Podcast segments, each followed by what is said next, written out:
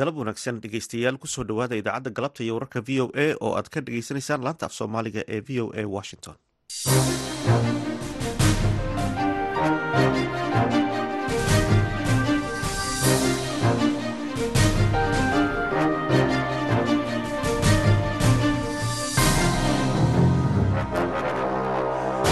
waa maalin arbaca bisha februari ee sanadka labada kun iyo saddelabaaatankuna waa kow. Waxaad naga dhegaysanaysaan mawjadaha gaagaaban ee lix iyo tobanka iyo sagaal iyo tobanka mitrban iyo bogga internetka ee v o a somaly com. Saacadda afrikada bari waa afartii galabnimo. Idaacadda galabta iyo wararka v o edana waxaa idinla socodsiinaya anigoo ah xuseen barre aadan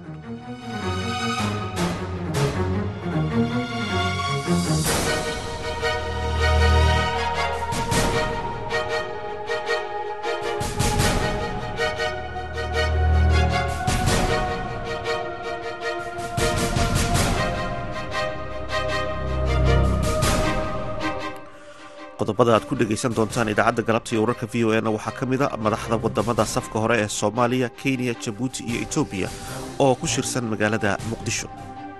Shirkan waa shir muhiim u ah amniga gobolka waa shir muhiim u ah in waddamada xubnaha ka ah ee dalalkan deriska ah ay si qoto dheer uga wada xaajoodaan arrimaha amniga ee labada dhinac ka dhexeeya maadaama haatan soomaaliya ay ka socdaan howlgallo ka dhana khawaariijta waxaa sidoo kale aan idiin haynaa qayb ka mida waraysi aan toddobaadkii hore la yeelanay la taliyaha amniga qaranka ee madaxweynaha soomaaliya. Kalsoonidu tan way ka transparency ciidan military ah. Ciidanka militariga ayaa qortay oo diray. Tii hore qaabka lagu diray qaab transparent muusan ahayn wax la qarinaayana ma kii hore markii la diraayo waa la qarinayay. Marka waa kalsoonida waa transparencyga keenaysa. Qodobadaasi warar kale ayaan idiin marka horese ku soo dhowaada warkii dunida.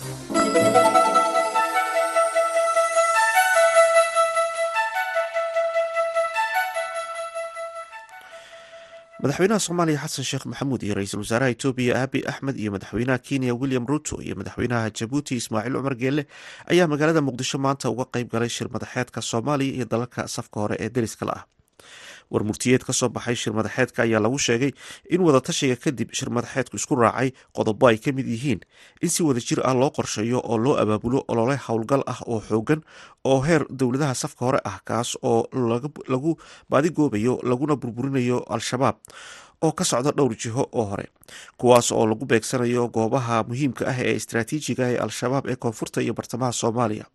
Ololaha xasaasiga lagu tilmaamay ee wakhtiga ayaa ka hortegaya wax kasta oo mustaqbalka ku soo qulqula gobolka ballaaran sida lagu sheegay warmurtiyeedka shirka sidoo kale qodobada lagu heshiiyey ayaa waxaa ka mid ah in la dhiso hab howleed wada jir ah oo isku duwidda awoodaha guud ee howlgallada iyada oo la soo dhoweeyey codsiga dowladda federaalk soomaaliya ee ah in la helo taageero si loo qalabeeyo cutubyada cusub ee xoogga dalka soomaaliyeed.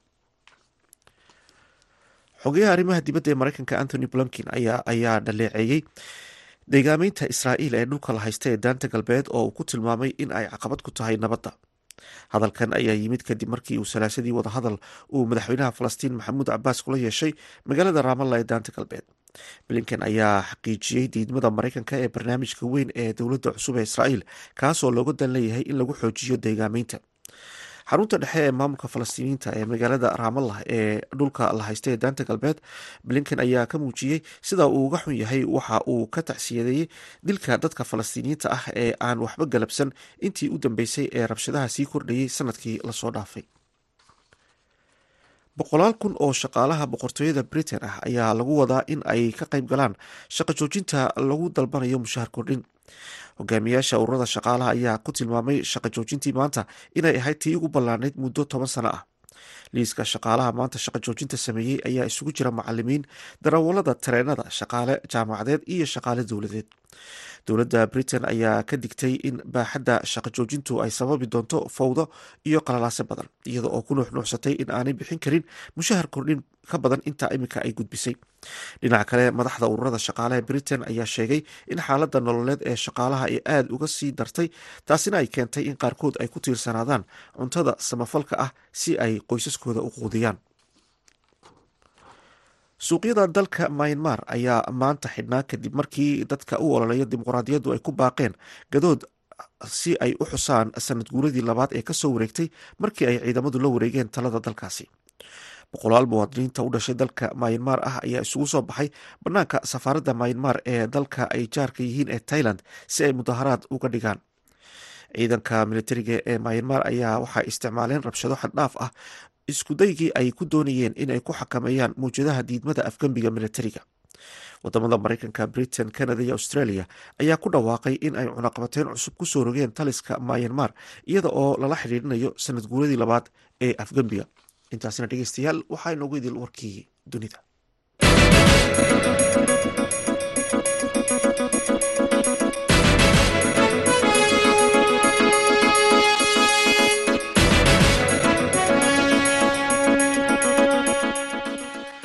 halkaad dhegeystayaal nagala socotaan waa laanta afka soomaaliga ee v o a. Madaxweynaha soomaaliya xasan sheekh maxamuud ayaa maanta martigeliyey shir ay leeyihiin madaxda geeska afrika ee safka hore ee ah waddamada xuduudda la leh soomaaliya. Madaxweynayaasha kenya iyo jabuuti william ruto iyo ismaaciil cumar geele iyo ra'iisul wasaaraha etoobiya aabi axmed ayaa gaadhay magaalada muqdisho xili amniga aada loo adkeeyey. Warbixintan waxaa inoo haysaa saynab abukar madaxweynayaasha waddamada safka hore ee shirka ka qaybgalaya waxaa ka mid ah madaxweynaha kenya william huto madaxweynaha jabuuti ismaaciil cumar geele iyo ra'iisul wasaaraha ethoobiya abiy axmed iyadoo shirka uu gudoominayo madaxweynaha soomaaliya xasan sheekh maxamuud. Walow ay albaabada u xiran yihiin islamarkaana ay warbaahintu dibadda ka tahay. Ujeedada shirka ayaa lagu sheegay dhammaystirka howlaha dib u xoreynta deegaanada ay weli ku harsan tahay kooxda al-shabaab isku dabaridka taageerada muhiimka ee dalalka safka hore iyo iskaashiga dalalkan ee howlgallada ka socda soomaaliya iyo in la qaado howlgallo wadajir ah sida lagu xusay war-saxaafadeed ka soo baxay dowladda soomaaliya maalintii shalay ahayd waxaana la filayaa in warmurtiyeed laga soo saaro marka uu soo gabagaboobo shirka. Wasiirka warfaafinta soomaaliya daa-uud aweys oo ka warbixiyey shir madaxeedka maanta furmay. Mar uu la hadlay warbaahinta dowladda ayaa sheegay in shirkan uu muhiim u yahay howlgallada militari ee ka socda dalka iyo guud ahaan xasiloonida gobolka. Shirkan waa shir muhiim u ah amniga gobolka. Waa shir muhiim u ah in waddamada xubnaha ka ee dalalkan deriska ah ay si qoto dheer uga wada xaajoodaan arrimaha amniga ee labada dhinac ka dhexeeya maadaama haatan soomaaliya ay ka socdaan howlgallo ka dhana khawaariijta waxaa madaxdu ay isla gorfeyn doonaan amaba ay isla eegi doonaan ajendayaal ay shalay ansixiyeen wasiirada gaashaandhigga ee dalalkan safka hore oo shalay muqdisho ku kulmay iyagoo ay weheliyaan taliyaasha ciidamada qalabka sida dalalkooda. Marka waa shir runtii yimid waqtii loogu talagalay xilli soomaaliya ay guulo badan ka gaarayso howlgallada ay kula jirto khawaariijta al-shabaab in caalamkuna uu aqoonsado in guulahani ay waxtar u yihiin amniga gobolka waa arrin kale muhiim u ah oo siyaasadda iyo amniga soomaaliyaba waxtar weyn u leh. Waxaa markaa wadamadan ay ku guulaystaan in dhinaca amniga iska kaashadaan ay fursad u siinaysaa in ay diiradda saaraan arrimo kale sida arrimaha dhaqaalaha arrimaha bulshada iyo arrimaha isdhexgalka bulshooyinka dalalkooda. Maadaama amniga uu yahay shuruudda koowaad ee u baahan in la abuuro xasilooni ay dadku wax ku qabsan karaan. Wasiirka ayaa dhinaca kale ka hadlay howlgalladii ugu dambeeyey ee ka dhacay gudaha dalka waxaana uu sheegay in mid ka mid ah howlgalladaasi ay ka fuliyeen dhanka deegaanada puntland lagu dilay hogaamiyihii kooxda daacish ee soomaaliya iyo xubno la socday. Waxaa xusid mudan in ay si weli guul ugu socdaan howlgalladii dalka looga ciribtiraya khawaariijta al-shabaab. Mid ka mid a howlgalladaas haddaan xusno waa howlgal ka dhacay gobolka shabeellaha hoose oo in ka badan boqol iyo soddon iyo lix ka tirsan khawaariijta oo ay ku jiraan horjoogayaal lagu dilay. Tiro kale oo boqol ku dhowna lagu dhaawacay howlgal qorshaysan oo ciidanka soomaaliya iyo saaxiibada caalamiga ay ka sameeyeen dhul keyn ah oo ku yaalla inta u dhexaysa tawakal iyo garasjeereed oo kilomitir galbeed ka jira degmada janaale ee gobolka shabeellaha hoose dowlad goboleedka koonfur galbeed. Wararka la xaqiijiya waxay sheegayeen khawaariijtu ay doonayeen in ay weerar gaadma ah ay ku qaadaan dad shacab ay waxyeeleeyaan balse ciidanka nabad sugidda oo kaashanaya khibradooda iyo rag si wanaagsan ugu xeeldheer arrimaha nabad sugidda ay ka war heleen amaba ay heleen xogta ee argagixisada islamarkaasna ay ku baxeen halkaas ay ku laayeen tiradaasi sida aadka u badan ee boqol iyo soddon iyo lixda gaaraya. In ka badan boqolna halkaas lagu dhaawacay.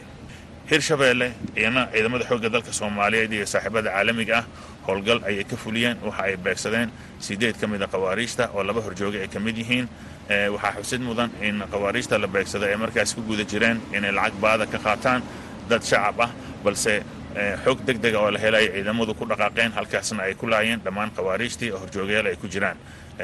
Aada waxaan uga mahad shacabka sida dhow ay ula shaqaynayaan ciidamada islamarkaana ay sida deg dega xogta ula wadaagayaan ciidamada. Ciidamadana waxay aada ugu mahadsan yihiin sida deg deg uga jawaabayaan marka ay helaan fariimaha ku saabsan arrimaha nabadgelyada ee lagu badbaadinaya shacabka soomaaliyeed dhanka dowlad goboleedka puntland iyana waxaa ka dhacay howlgal. Waxaa halkaasi lagu beegsaday mid ka mid ah horjoogayaasha argagixisada oo la yidhaahdo bilaal al suudani oo ahaa hogaamiyaha daacish ee soomaaliya.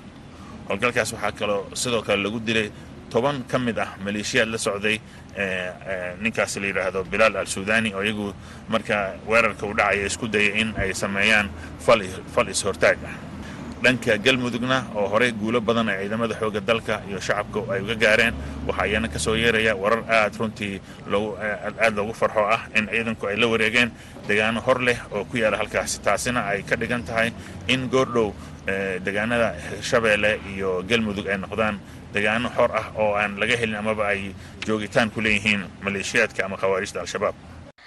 Shirka maanta waxaa ka horeeyey mid shalay ka dhacay isla magaalada muqdisho oo ay ka qayb galeen wasiirada gaashaandhigga iyo taliyayaasha ciidamada ee dalalka safka hore.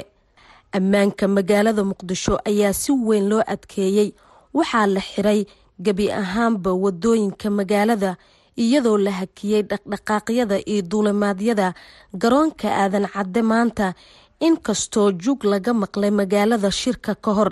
Dadka qaar ayaa sheegay in tiro hoobiyaal ah in ay ku dhaceen qaar ka mid ah xaafadaha ku yaalla agagaarka xarunta madaxtooyada soomaaliya.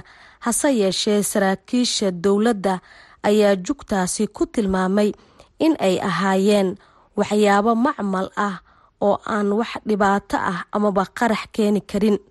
Dowladda federaalka soomaaliya ayaa horay cudurdaar uga bixisay saameynta tallaabooyinka lagu adkaynayo ammaanka magaalada ay ku yeelanayso dhaqdhaqaaqyada iyo nolosha shacabka ku dhaqan muqdisho iyadoo sheegtay in tallaabadan loo qaaday si loo xoojiyo ammaanka magaalada muqdisho oo uu shirka ka socdo. Saynab abuukar v o a muqdisho sidii aad dabada dhegeystayaal aad wararkaba ku maqlayseen madaxda waddamada safka hore ee kenya etoobiya jabuuti iyo soomaaliya iyadu martigelinaysay ayaa ku heshiiyey in ay si wada jira u qaadaan olole lagu raadinayo laguna burburinayo al-shabaab jiido dagaal oo kala duwan oo ka mid ah koonfurta iyo bartamaha soomaaliya. Wadamada ayaa sidoo kale soo dhoweeyey codsi ka yimid soomaaliya oo ah in hub iyo qalab kale oo ay ku hubayso ciidanka xooga dalka soomaaliyeed laga caawiyo waxayna taageereen codsiga soomaaliya ee ah in cunuqabataynta hubka laga qaado gebi ahaanba dhammaadka sanadkan haddaba ka soo baxay shir madaxeedkan waxaa inoo soo koobaysa falastiin axmed iimaan kulankan oo looga gol lahaa in lagu taageero laguna xoojiyo ololaha dagaal ee ka dhanka al-shabaab ay wadaan. Ciidamada ammaanka soomaaliya ayaa waxaa la sheegay in muhiim ay tahay in la wiiqo awoodda kooxda al-shabaab si aanay u awoodin inay weeraro u geystaan. Shir madaxeedkan waxa uu dib eegis ku sameeyey gunaanadkii shirkii wasiirada gaashaandhigga iyo taliyayaasha ciidamada qalabka sida ee dowladaha deriska ah iyadoo la eegayo muhiimadda ay leedahay in la isku xiro si waqtiyeysan farsamada saadka sirdoonka iyo taageerada howlgalka ka dhanka ah argagixisada ee hadda ka socda oo soomaaliya oo ay wadaan ciidamada qaranka. Shir madaxeedkan ayaa waxa uu isla ogolaaday muhiimadda ay leedahay in laga wada shaqeeyo xoojinta midnimada waddamada deriska ah si ay u garab istaagaan soomaaliya. War-saxaafadeedkan ayaa waxaa lagu soo dhoweeyay aragtida madaxweynaha soomaaliya iyo qaabka ay dowladiisa u wajahaysa inay kaga adkaato al-shabaab iyadoo lagu jebinayo ciidan ahaan dhaqaale ahaan iyo fakar ahaanba. Waxay mar kale madaxda waddamada deriska ay ku celiyeen sida ay u ixtiraamayaan madax banaanida xurmada dhuleed tan siyaasadeed iyo midnimada soomaaliya.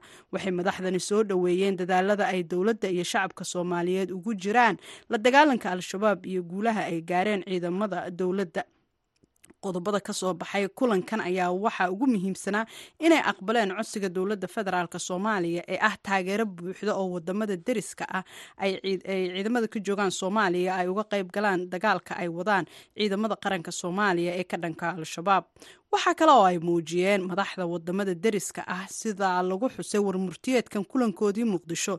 In baahi deg deg ah loo qabo in la abaabulo taageero heer goboleed ah oo mudaysan oo si wadajira loogu howlgalo. Waxaa kale oo qodobadaasi ka mid ahaa in si wadajir ah ay u qorsheeyaan ololaha howlgalka ee lagu xoojinayo heerka baacsiga iyo burburinta al-shabaab oo laga sameeyo dhowr furumood taasoo ujeedkuna uu yahay in lagu baacsado deegaanada ay al-shabaabka ku xoogan yihiin ee koonfurta iyo bartamaha soomaaliya.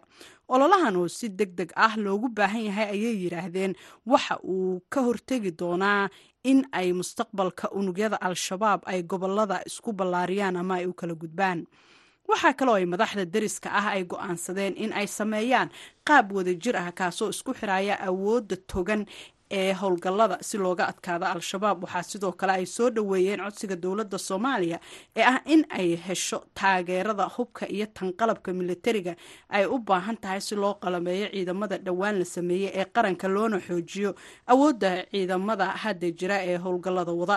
Waxay beesha caalamka ugu baaqeen madaxda waddamada deriska la ah soomaaliya in ay gacan ka siiyaan soomaaliya xasilinta iyo taageerada ay u baahan yihiin deegaanada dhowaantan laga xoreeya al-shabaab si bulshooyinka loo gaarsiiyo adeegyada bulsho iyo dhismaha maamulka waxaa kaloo ay xuseen in soomaaliya ay muujisay maamulka hubka iyo xakameyntiisa iyagoo taageeray dalabka soomaaliya ee ah in laga qaado cunaqabateynta hubka dhammaadka sanadkan ka ugu dambeyna madaxda waddamada soomaaliya deriska la ah waxay warmurtiyeedkan ku sheegeen inay sameynayaan nidaam lagu ilaaliyo amniga xuduudahooda si meesha looga saaray in argagixisadu ay xuduudaha ka gudbaan iyadoo dhinaca kalena la xaqiijinayo isku socodka dadka sharciga ah iyo ganacsiga waddamada deriska ah.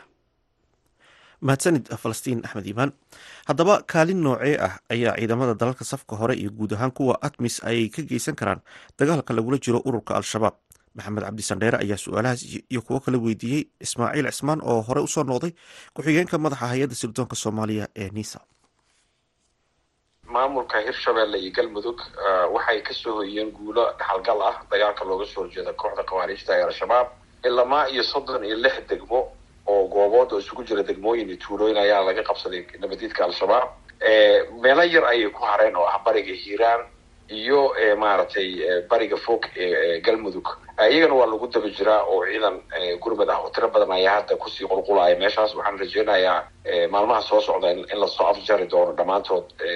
Labadaas maamul goboleed inay noqon doonaan kuwa maaragtay ka madax banaan khawaariijta al-shabaab waan garta hadaynu dhinaca koonfurta nimaadno maamulka koonfur galbeed iyo maamulka jubbaland ayaa iyaguna howlo bilaabay. Hase yeeshee hanaanka wax u wadaan uu ka duwan yahay sidii hirshabeelle iyo galmudug oo dad shicibihii ay qeyb ka ahaayeen dagaalka. Bal kala duwanaanshahaas iyo meesha ay wax u marayaan koonfur galbeed iyo jubbaland waa sidaas sheegtay dagaalka bilowgiisiba waxa uu ahaa shacab kacay oo gadooday oo gacan ka helay dowladda federaalka ayuu ka bilowday dagaalka. Taasaana keentay shacabkii iyo ciidankii dowladdu iskaashanaya inay khawaariijta meelo badan ka qabsadaan labadaas maamul goboleed ee hirshabelle iyo galmudug. Waxaad moodaa koonfur galbeed iyo jubbooyinka inay ka duwan tahay. Wax kalena ma aha shacabkii halkaas ku dhaqanaa ayaanan weli maaragtay kacdoon ka dhan ah kooxda al-shabaab aan sameynin midda labaad oo meesha ka jirtaana waxay tahay maadaama ay keymaha meelaha ay aadka ugu dhuumaalaysanayaan ay yihiin meela ka fog maaragtay degmooyinka waaweyn ee labadaas maamul goboleed. Waxaad waxaa waxaad moodaa in maaragtay qabanqaabadii iyo iyo iyo maxaan ku idhahdaa ka qaybgalkii laga filaayey ciidanka nabad ilaalinta u jooga soomaaliya admisna wuxoogaa meesha ka gaabay waana midaan is leeyahay inay keentay shirkii maanta ka dhacay muqdisho ee mid midka beri la filaayo inuu yeeshaan. Madaxda dalalka safka hore kaga jira ee amisom. Waan gartay wararka qaar ayaa sheegaya in maamul goboleedyada qaarkood gaar ahaan dhinaca koonfurta inaanay doonaynin in dadku ay qeyb ka noqdaan iyagoo ka cabsi qaba in hadhow ay xakameyn kari waayaan. Arrintaasi amaba wararkaasi dhinaca sirdoonka maxaad nagaga birin karta waa runtahay horta waxaa jirta isku milan oo maaragtay amnigii iyo siyaasadii ayaa jira. Waxaan ognahay in koonfur galbeed oo kale hadda ka jiro isqabqabsi dhinaca siyaasada ah iyadoo madaxweyneha hadda joogo maaragtay laga hor yimid mutakororsigii sanadka ahaa ee uu samaystay. Haddana uu madaxweyne xasan sheekh maxamuud halkaas tagay nabadna soo kala dhex dhigay. Guddina loo saaray in dalka halkaas ee doorasha ay ka dhacdo. Taas waxay keentay cabsi maaragtay in shacabka haddii ay hubka qaataan ay dhici karto in shacabkii ay ku kala qaybsamaan maaragtay mucaaradkii iyo iyo dowladii dowlad goboleedkii markaas jiray. Marka taasaa aan is leeyahay way keentay laakiin ma shacabka reer koonfur galbeed waxay diyaar u yihiin inay iska qaadaan heeryada kooxdan khawaarijta ee al-shabaab. Waan gartay. Waxaad soo hadal qaaday ciidamada atmis. Waxaad moodaa markaad eegto weeraradii dhowaan socday iyo duulaanadii ay maamul goboleedyada qaarkood qaadayeen in ciidamada ajnabigaee jooga soomaaliya ayna sawirkaba ku jirin doorkooda maxaa lagu sheegi karaa ilaa iyo hadda? Doorka ciidamada admis oo laga filaayay ma ma dhicin sidii la rabayna ma aysan noqonin.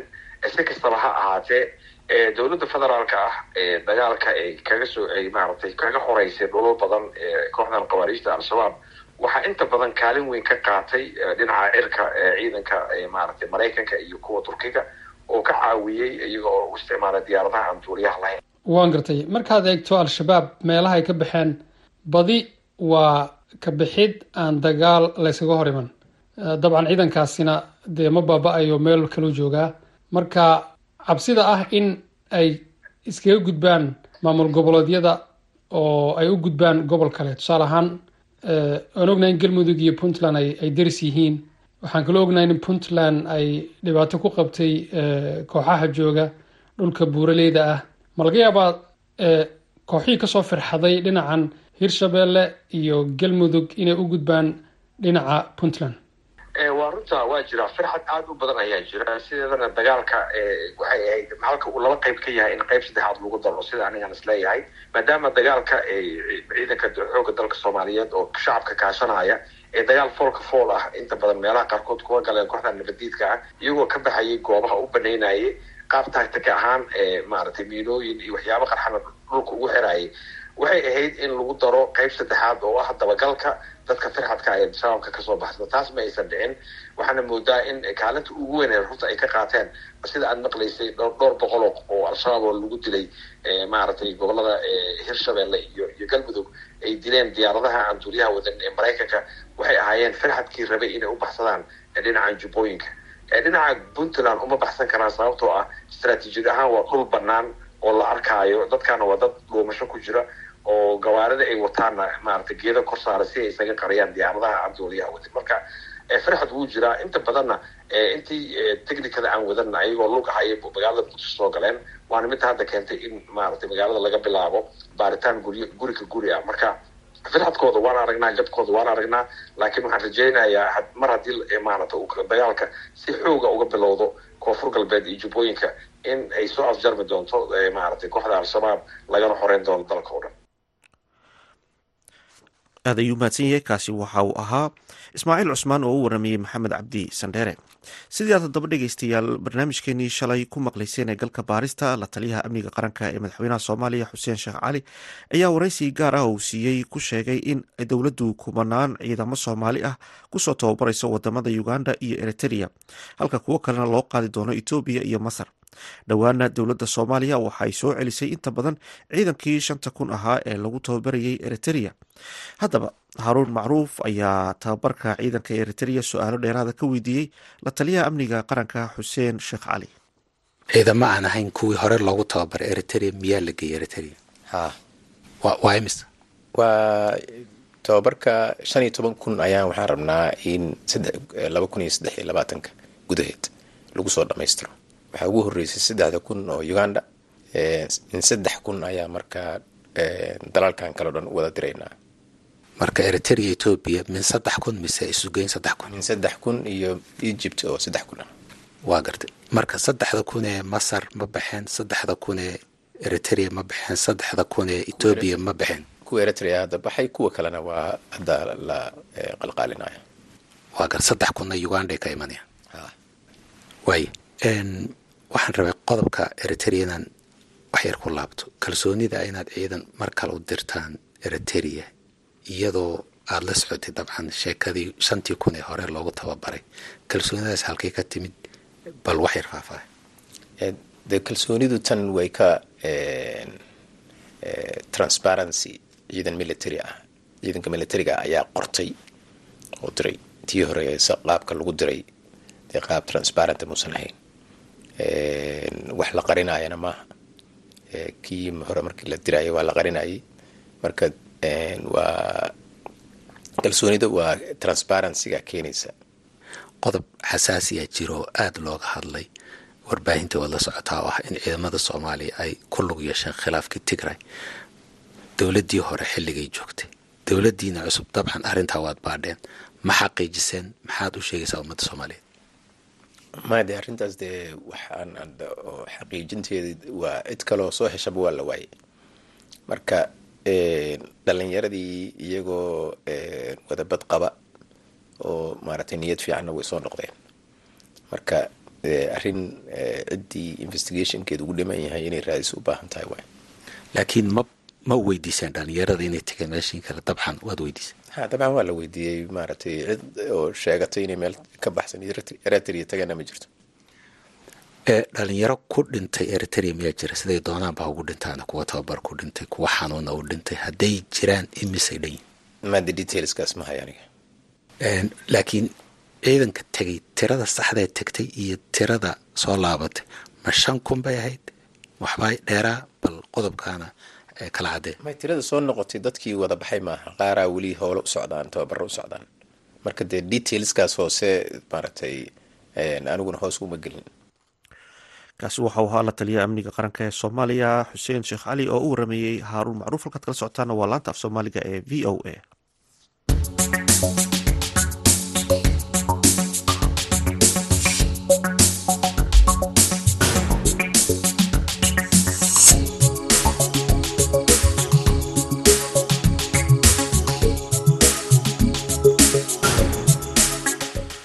halkaad nagala socotaan waa laanta af soomaaliga ee v o a. Macalimiinta dugsiyada mandiqadaha england iyo wales ee boqortooyada britain ayaa maanta bilaabay shaqo joojin ku meel gaadh ah iyada oo in muddo ah ay barayaashu ama macalimiintu ka cabanayeen mushaaryari baahsan oo dugsiyada dowladda iyo kuwa kale la maalgeliyaba. Warbixin ku saabsan amuurtan waxaa magaalada london ka soo diray wariyaha v o eda ee qaaradda yurub cabdixaafid cawil ismaaciil ma aha wax lala yaaba inay barayaasha dugsiyada ay dowladdu maamushaa bilaabaan shaqo joojin. Waxa ay kala mid yihiin shaqaalaha bulshada kale sida wadayaasha baabuurta dhooliyada kalkaaliyayaasha caafimaadka iyo shaqaale kale oo badan oo marar kala duwan sameeyey shaqo joojin kooban. Qiimaha shidaalka maceeshada iyo ijaarka guryaha ayaa aada u kacay dabcan dagaalka ukrain iyo ruushka ayaana saameyn weyn ku yeeshay nolol maalmeedka bulshada yurub guud ahaan. Muddooyinkii u dambeeyey waxaa jira macalimiin bilowday shaqooyin labaad oo ay ku kabaan nolosha halka qaarkoodna ay iskaga tageen ka shaqaynta waxbarashada. Macalimad magaceeda la yidhaahdo breston oo u warantay wakaalada wararka ee reuters ayaa sheegtay inay saddex maalmood ku shaqayso macalin dhiga luqadda ingiriisida halka ay labada maalmood ee kalena haysato caruurteeda sababtuna ay tahay ayay sheegtay inay awoodi kari weydeen inay shaqaalaysiiso qof ilmaha u haya. Xafladii dhalashada ilmahayga ayaa niman kari waayey ayay tiri aniga oo shaqaynayay awgeed waana niyad keligeed maaha macalimiinta laba shaqo isku haya. Macalimad breston waxa ay sheegtay in haddii aanay isku hayn laba shaqo iyada oo habeenada qaarkood ingiriisida dhigtaa inay nolosheedu wanaagsanaan lahayd laakiin iminka ay ku nooshahay walaac iyo niyad jab macalin cabdalla mucalin maxamuud oo ah bare waxa uu iga waramay saameynta ay macalimiinta ku yeelanayso inay ka warwaraan nolol maalmeedka. Horumarka wuxuu ku yimaadaa in qofka macalinka ah la kafaalo qaado oo uusan ka fekerin mushaarkiisa iyo bilashiisa iyo quutulyoomkiisa taa waxay saameyn weyn ku yeelan kartaa waxbarashada waayo qofka macalinka hadduu ku mashquulsan yahay biilka qaabka u bixin lahaa lacagta qaabka u bixin lahaa ijaarkii lagu lahaa ciyaalkiisii taa waxay keenaysaa in shaqadii loo igmaday ee inuu qabta ay ahayd inuu qaban waayo taana dabcan waxay saameyn weyn ku leedahay ardadii markaa ka sugaysay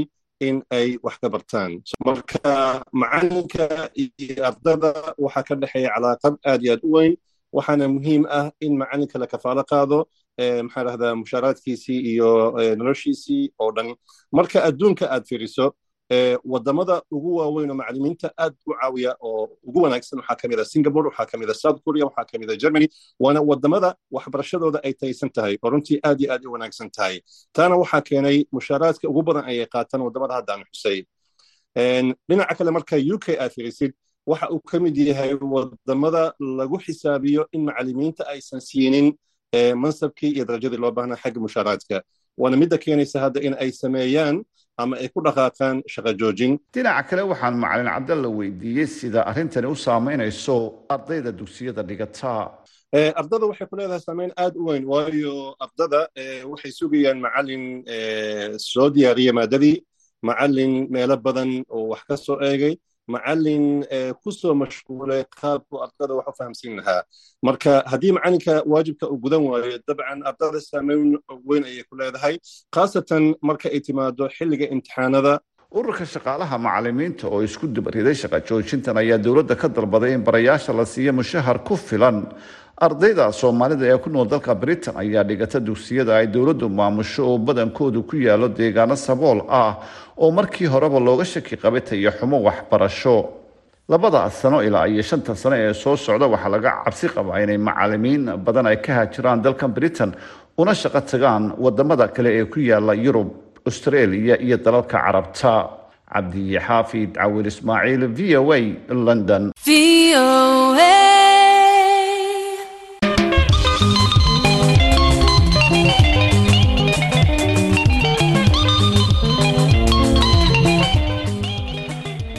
Halkaa dhegeystayaal nagala socotaan waa laanta af soomaaliga idaacadda v o a. Goor dhow waxaad maqli doontaan qodobo kala duwan iyo warbixino aan caalamka idinka hayno. Marka horese waxaad ku soo dhawaataan warkii dunida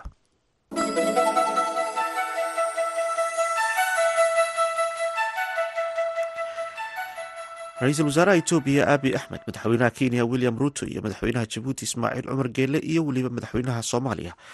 Xasan sheekh maxamuud ayaa maanta magaalada muqdisho ku yeeshay shir madaxeed u furmay soomaaliya iyo waddamada safka hore ee dariskala ah warmurtiyeed ka soo baxay shir madaxeedka ayaa lagu sheegay in wadatashiga kadib shir madaxeedku isku raacay qodobo ay ka mid yihiin in si wadajir ah loo qorsheeyo oo loo abaabulo olole howlgal ah oo xoogan oo heer dowladaha safka hore ah kaasoo lagu baadigoobayo laguna burburinayo kooxda al-shabaab.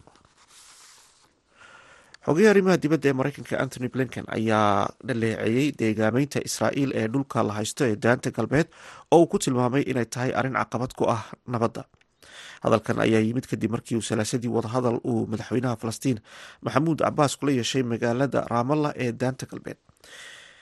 Blinken ayaa xaqiijiyey diidmada mareykanka ee barnaamijka weyn ee dowladda cusub ee israa'iil kaas oo looga dan leeyahay in lagu xoojiyo deegaameynta boqolaal kun oo shaqaalaha dalka britain ah ayaa maanta bilaabay ka qaybgalka shaqo joojinta lagu dalbanayo mushahar kordhin hogaamiyaasha ururada shaqaalaha ayaa ku tilmaamay shaqo joojinta maanta inay ahayd tii ugu ballaanayd muddo toban sano ah.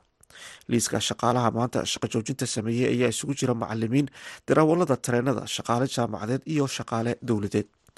Dowladda ayaa ka digtay in baaxadda shaqo joojintu ay sababi doonto fowdo iyo qalalaase iyada oo ku nuxnuuxsatay inaanay bixin karin mushahar kordhinta ay dalbanayaan shaqaaluhu suuqyada dalka myanmar ayaa maanta xidhnaa kadib markii dadka u ololaya dimuqraadiyadda ay ku baaqeen gadood si ay u xusaan sanad guuradii labaad ee ka soo wareegtay markii ay ciidamadu la wareegeen talada dalka. Ciidanka militariga ee dalkaasi myanmar ayaa isticmaalay rabshado awood xaddhaaf ah oo iskudaygii ay ku doonayeen inay ku xakameeyaan mawjadaha diidmada afgembiga mareykanka britain canada iyo australia ayaa ku dhawaaqay inay cunuqabateyn cusub ku soo rogeen taliska myanmar iyadoo lala xidhiidhinayo sanad guurida labaad ee afgembiga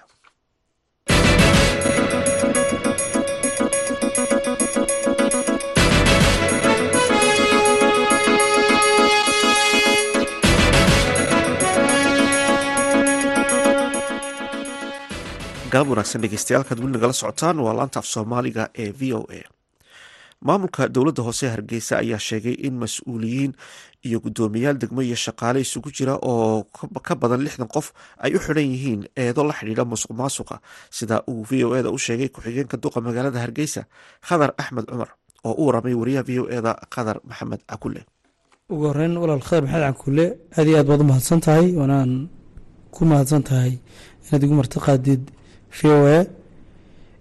Haddaan warbixin kooban kaa siiyo infrastructureska hargeysa ka socda iyo waddooyinka dhismayaashooda ka socda shan iyo afartan wado ayaa noo dhammaaday shan iyo afartan kilomitir ayaa noo dhammaaday.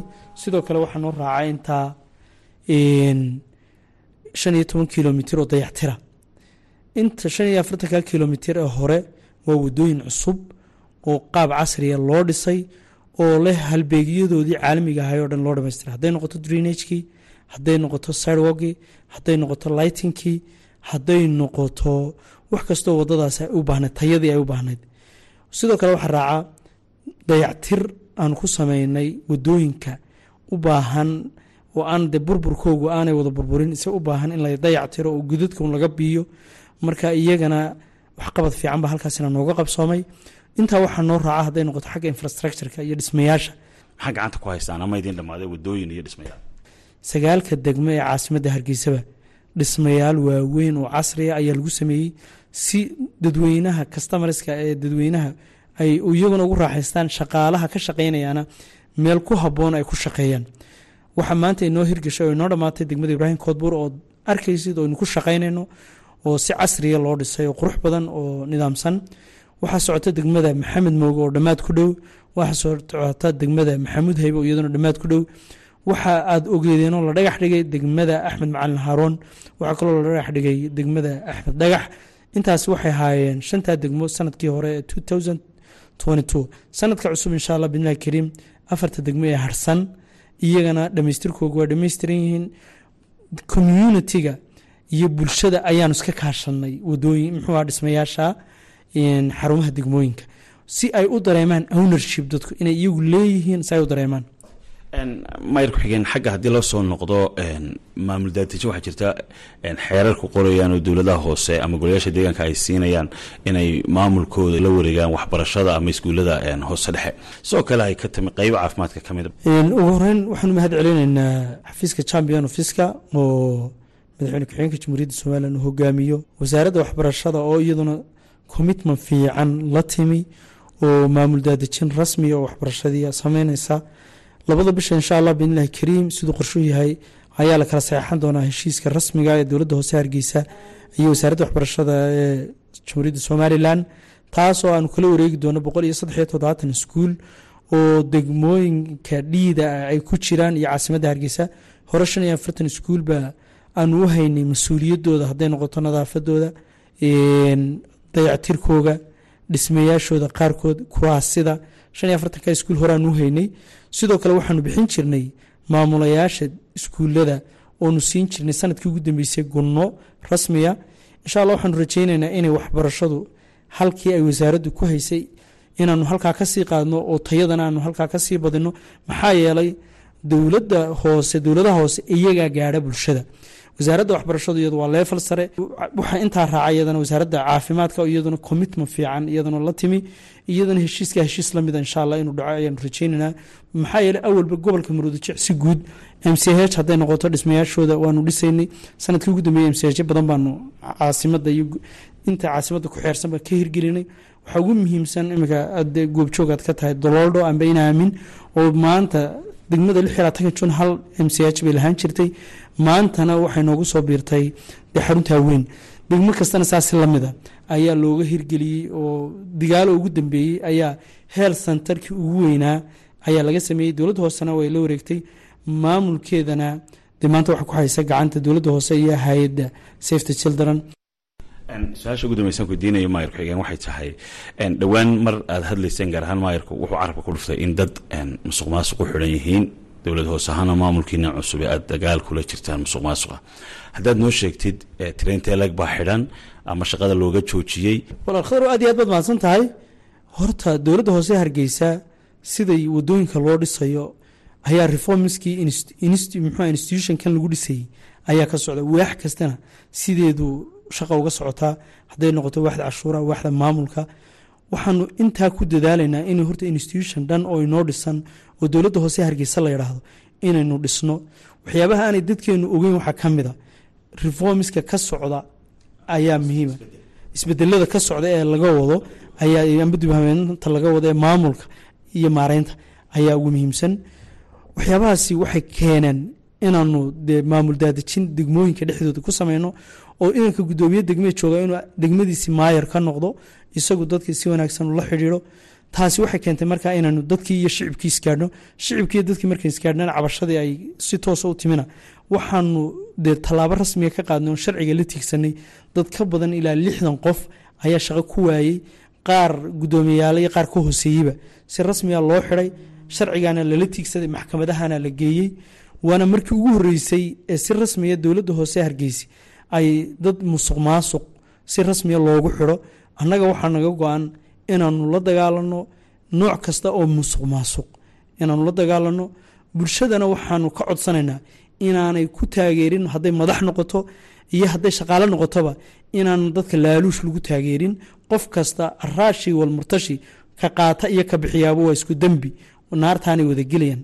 Marka waxaanu bulshadana ku wacigelinana ha bixinina wax la yadhaa laaluush ha iska bixinin. Because of haddaad bixisid aadna la dembi baa tahay. Shaqaalaha waa shaqaale maanta aanu ku kalsoonahay inta joogta. Waxaananu rajaynaynaa inaanu dadka aqoontooda iyo kartidoodaba la kobciyo oo waxbarasho iyo aqoonba kor loogu qaado la kobciyo. Aad ayuu mahadsan yahay ku-xigeenka duqa magaalada hargeysa khadar axmed cumar oo u waramayay wariyaha v o eda khadar maxamed cakule markana dhegeystayaal ku soo dhawaada xubintii dooda gaaban waxaa inoo haya xasan kaafi qoyste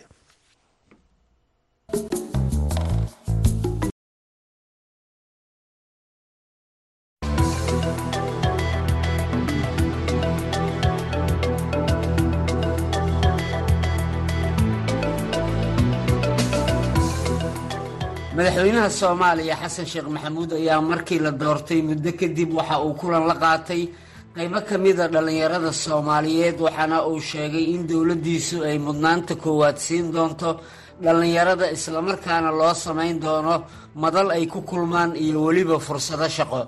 Haddaba ballanqaadkii madaxweynaha soomaaliya maxaa ka hirgalay ilaa iminka? Maxaase dhiman waa mowduuca aynu ku gorfaynayno xubinta dooda gaaban ee maanta waxaana ka doodaya cabdifataax ibraahim casharo iyo doctor axmed daahir shaafi oo labaduba ka tirsan aqoon-yahanada ku sugan magaalada muqdisho. Waxaana hadalka ku horeynaya cabdifataax waa mahadsan tahay xaskaafi qoyste adiga iyo bahda v o eda waa idin salaama.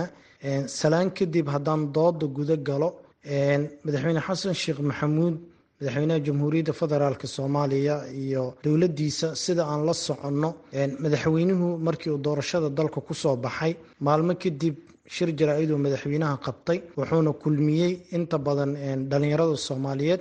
Wuxuu madaxweynuhu sheegay in dowladdiisu ay ihtimaam badan siin doonto islamarkaasina wax badan ay u qaban doonto dhalinyarada soomaaliyeed. Ballanqaadyadii uu madaxweynuhu sameeyey waxaa ka mid ahayd in madal ay dhalinyarada soomaaliyeed ku kulmaan oo wacyiga iskaga wareystaan islamarkaasina wixii afkaaraha oo dowladnimada soomaaliya ku saabsan iyo talooyinka guud ee dowladda soomaaliya ay siinayaan iyo sidoo kaleeto sidii ugu wanaagsan ee shaqa abuur loogu sameyn doono dhalinyarada soomaaliyeed madaxweynuhu wuxuu sheegay in madashaaseeta ay ka shaqeynayaan. Madaxweynaha hadda muddo ku dhow sagaal bilood oo wadankii madaxweyne ka yahay waxaa moodaa ballanqaadkiisa ilaa ay hadda wax ka fulay inaysan jirin. Sababaha ugu weyn ee aan waxaan is leeyahay ballanqaadka madaxweyne uu fuli la-yaane waxaa ka mid ah inta badan madaxda soomaalida markii ay ballanqaadyada sameeyaan ma jiraan in dadku ay ku sameeyaan waxaan loo yaqaano follow upka ama in dadki intii la dabagalo la yidhaahdo wixii aada ballan qaadeen maxaad u fulin weyseen. Marka madaxweynaha ballanqaadkaas waa loogu fadhiyaa dhalinyarada soomaaliyeedna indhahay ku wada hayaan hay'adii toor shaafi aad baan idiin salaamay walaalkay xasan adiga iyo walaalka igula jira dooda iyo dhegeystayaasha v oda intaba waad mahadsan tihiin intaa kadib dhalinyarada soomaaliyeed waxay muhiim u yihiin mar walba dhismaha iyo dib u yagleelidda dowladda soomaaliyeed. Dowladdan weli cusub markii ay timid uu hogaamiyo madaxweyne doctor xasan sheekh madaxweynuhu wuxuu la kulmay dhalinyarada qeybo ka mid a wuxuuna ballan qaaday inuu dowr muhiima siinayo ka siinayo dowladdiisa ayna ka qeyb qaadanayaan mashaariic horumarineed oo dhalinyaradu hormuudka ka tahayna inuu sameynayo sidaa darteed baa dowladda markii la dhisay dhalinyaro fara badan baa soo gashay dowladda. Oo ugu horreeya wasiirka dhalinyarada iyo sboortiga oo maxay ahayde nin dhalinyaro ah? Oon is leeyahay wasiirkii ugu da-da yaraaye ee dalka soomaaliya inuu noqon doono haddii aanan khaldanayn. Mashaariic fara badanna way ka qayb galeen ilaa hadda dadka la magacaabayo ee magacaabidda ay ku socoto dhallinyaray u badan yihiin ama da-da dhallinyarada ay ku jiraan. Mashaariicdii hore ee madaxweynuhu hore u sheegayna waxaan is leeyahay way soo socdaan. Madaxweynuhu iyo xukuumaddiisu sagaal bilood wax ka yar bay jirtaa. Saas darteed waxaan qabaa in wakti hadda la calaacalo aan la gaadhin waxa la hayo markii la fiiriyo iyo waxa la rajaynayo iyo waktiga oo kooban oo dowlad xukuumaddu waktigay jirto aada u kooban. Cabdifataax maxaad is leedahay marka laga hadlayo dhinaca dhallinyarada dowladdu way ka gaabisay?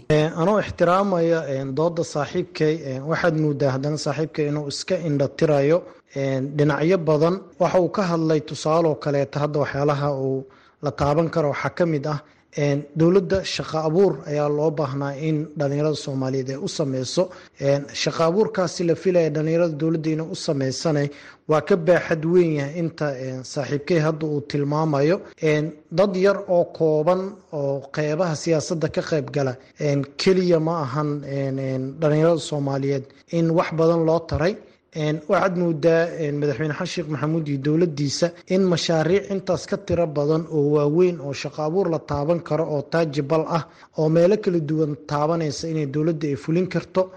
Waxaa ka mid ah tusaaleoo kaleeta in la sameeyo mashruuc weyn oo ku dhowaad boqolaal dhalinyaro ay ka qayb qaadan karto taasaa dalkana wax u tari karta dadkana wax tari karta. Laakiin haddii laba ilaa saddex qofood ama dad yaroo kooban political participationka fursad loo siiyo ama siyaasadda inay ka qayb galaan fursad loo siiyo taas macnaheedu ma ahan in la kofargareeyey baahiyadii kala duwanaa ee dhalinyarada soomaaliyeed qabtay. Marka madaxweyne xasan sheekh maxamuud anuu ixtiraam badan u hayo madaxweynaha iyo xukuumaddiisa haddana waxaad moodaa filashadii laga qabay in madaxweynaha iyo xukuumaddiisa weli laga sugayo doctor shaafi maxay yihiin duruufaha hortaagan in dowladdu ay dhallinyarada shaqo abuur u samayso? Walaalkay waa mahadsan yahay aragtidiisu ixtiraam bay leedahay. Laakiin ra'yigayga waxaan ku sababeynayaa dhowr arrimood. Waa qodobka koowaad ee dowladda soomaaliyeed waxaan ognahay imkaaniyaadka ay haysato. Awoodaheeda waan ognahay. Bajetkeedaan ognahay intuu dhan yahay waxaan kaloon ognahay dowladda soomaaliyeed waqtiga ay jirto oo sagaal bilood wax ka yara. Intaa markii la sheego dadkan dhalinyarada ah ee shaqada la siiyey dhalinyaraday ka mid yihiin hal qofna ha ahaadee in dowladda nisbada ugu badan dhalinyaro ay noqoto guul waay oo wax lagu faano weeye. Mashaariicda uu walaalkay sheegayna way soo socdaan oo waan rajeyneynaa sidaa uu sheegay iyo si ka badanba. Mashaariic waaweyn oo dhalinyaradu leeyihiin ama bulshada soomaaliyeed qeybaheeda kala duwan ay ka wada qeyb qaadaan in la laakiin arrintaas inta badan waxay u xidhan tahay dalku dagaal buu galay dagaal buuna horey ugu jiray. Xaaladda amni een ku sugannahayna cidna kama qarsoono saa darteed baa dowladdu waxay wadaa si ay u kala horreysiin lahayd muhiimadaha ay soomaalidu leedahay ama baahiyaha soomaalidu ay leedahay amnigaa koowa yaa ugu sarreeya dhalinyaraduna amniga way ka qayb qaadanaysaa dowr muhiimana way ka qaadanaysaa marka waxaan rajeynayaa inay waktigeeda aan laga degdegin oon laga dhalinin iyadoon iyadoon sidkeedii gaarin waa mahadsantiin waxaynu joognaa gebagabadii dooda xalku muxuu yahay aan ku horeeyo cabdifataax casharo. Xalka waxaan u arkaa in dowladda soomaaliyeed ballanqaadkeeda ay fuliso islamarkaasina dowladda ihtimaam badan ee siiso juhdi badan iyo dadaal badanna ay ku bixiso sidii dhallinyarada soomaaliyeed wax loogu qaban lahaa si gaara duruufaha dhallinyarada soomaaliyeed haysto loo dabooli lahaa haddaan la wada gaari karin dhammaan duruufaha dhallinyarada haysato ugu yaraan bercentage la taaban karo oo dadkana farxad gelin karta in dowladda soomaaliyeed ee dhallinyarada soomaaliyeed u sameyso waa muhiim. Hay'adda toor shaafi dhinacaaga maxaad ku soo gebagabeyneysaa oo uu xalkuna kuugu muuqdaa halka waxaan u arkaa in dhalinyarada soomaaliyeed ugu horeynta ay iyaku waxqabsadaan iyaku ay ururo samaystaan iyaku ay manasooyin iyo isteejiye ay dadka kala hadlaan oo ay fikradooda ku soo gudbiyaan ay sheegtaan. Iyaku waa dad taqriiban dhalinyaro markaan ka hadlayna hadee waxaa ugu horreeya dhalinyarada aqoon-yahanka. Dhalinyarada aqoon-yahanku ay iyaku projectiyo iyo mashaariic la yimaadaan maxaa yeeley waa dad aqoon-yahana. Waan rajeynayaa inay dowladda soomaaliya loo wada shaqeyn doono dhalinyaradu waa lafdhabare ay lafdhabartooda xoojin doonaan. Intaas ayaynu dhegaystayaal ku soo koobaynaa. Xubinta dooda gaaban ee maanta oo igala qayb galeen cabdifataax ibraahim casharo iyo doctor axmed daahir shaafi oo labaduba ka tirsan aqoon-yahanada ku sugan magaalada muqdisho. Tan iyo kulanti dambe waxaanu idinkaga tegaynaa sidaa iyo nabadgelyo